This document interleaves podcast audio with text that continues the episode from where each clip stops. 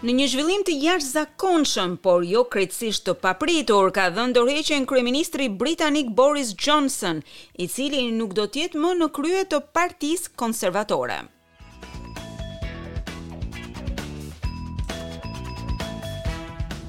Pas një karriere të mbushur me skandale, Boris Johnson ka njoftuar se do të largohet nga posti i kryeministrit britanik, pasi humbi në mënyrë dramatike mbështetjen e ministrave të tij dhe të shumicës së politikanëve konservatorë.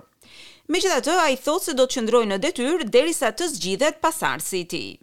It is clearly now the will of the Parliamentary Conservative Party that there should be a new leader of that party and therefore a new Tashmë është e qartë që vullneti i Partisë Konservatore është që të ketë një lider të ri të kësaj partie e përrjedhojë një kryeministër të ri. Kam rënë dakord me Sir Graham Brady, kryetarin e deputetëve tanë, që procesi i zgjedhjes së atij lideri të ri duhet të fillojë që tani. Orari do të shpallet javën e ardhshme dhe sot kam emëruar një kabinet të përkohshëm për të shërbyer dhe për të gjetur një udhëheqës të ri në këtë vend. Në një fjalim shpesh jo të rrjedhshëm përpara derës së dhjetë Downing Street, zoti Johnson renditi në mënyrë sfiduese atë që ai mendonte se kishte bërë administrata e tij në tre vitet që ai kaloi në detyrë.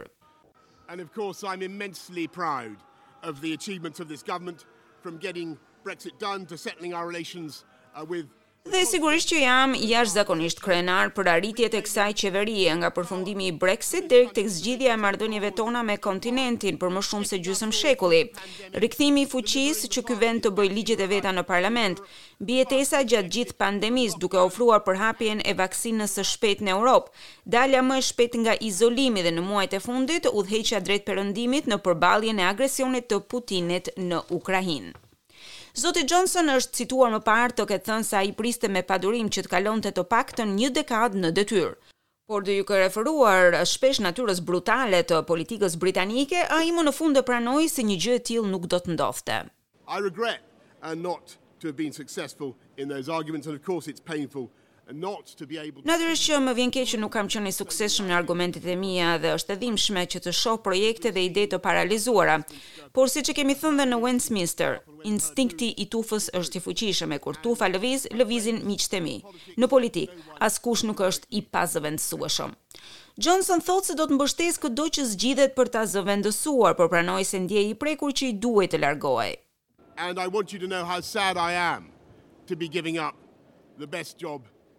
Dua që ta dini se sa i trishtuar ndihem që do të më duhet të heq dorë nga puna më e mirë në botë, por kjo është jeta. Mbështetja për Boris Johnson u zhduk brenda njëzet e katër orëve më të trazuara të historisë së politikës britanike të kohëve të fundit. Ministri i Financave, Nadhim Zahawi, i cili u emërua në postin e tij të martën, mishëroi ndjenjat e kolegëve të tij duke i bërë thirrje shefit që të jepte dorëheqje në një postim në Twitter.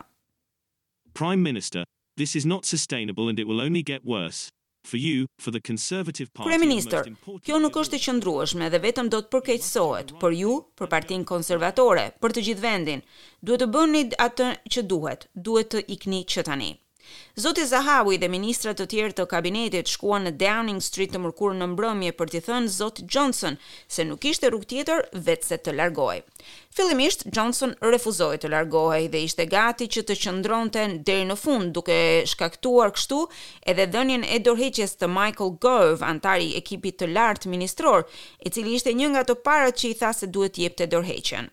Të enjten në mëngjes, në kabinet pati një sërë dorëheqjesh, duke e bërë të qartë se pozicioni i tij ishte i paqëndrueshëm. Udhëheqësi i opozitës, Sir Keir Starmer, thotë se dorëheqja e zotit Johnson është vetëm fillimi, ka nevojë për një pastrim të plotë. He needs to go completely. None of this nonsense about clinging on for a few months. He's inflicted. Ai duhet të largohet plotësisht. Kjo ideja e qëndrimit në pushtet për disa muaj është marrëzi e vërtetë. Ai ka gënjyer, ka mashtruar. Jemi të bllokuar me një qeveri që nuk po funksionon, mes krizës së kostos së jetesës. Të gjithë ata që e kanë mbështetur duhet të kenë turp për veten e tyre. Kemi patur dymbëdhjetë vite të një ekonomie të ndenjur, dymbëdhjetë vite shërbime publike të prishura, dymbëdhjetë vite premtime boshe. Mjaft është mjaft.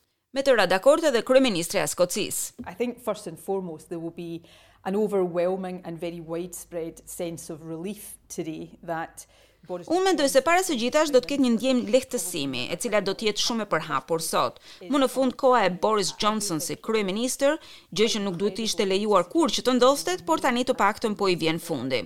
Mendoj se është e pabesueshme të sugjerosh se ai do të qëndrojë si kryeministër deri në tre dhe katër muaj të tjerë.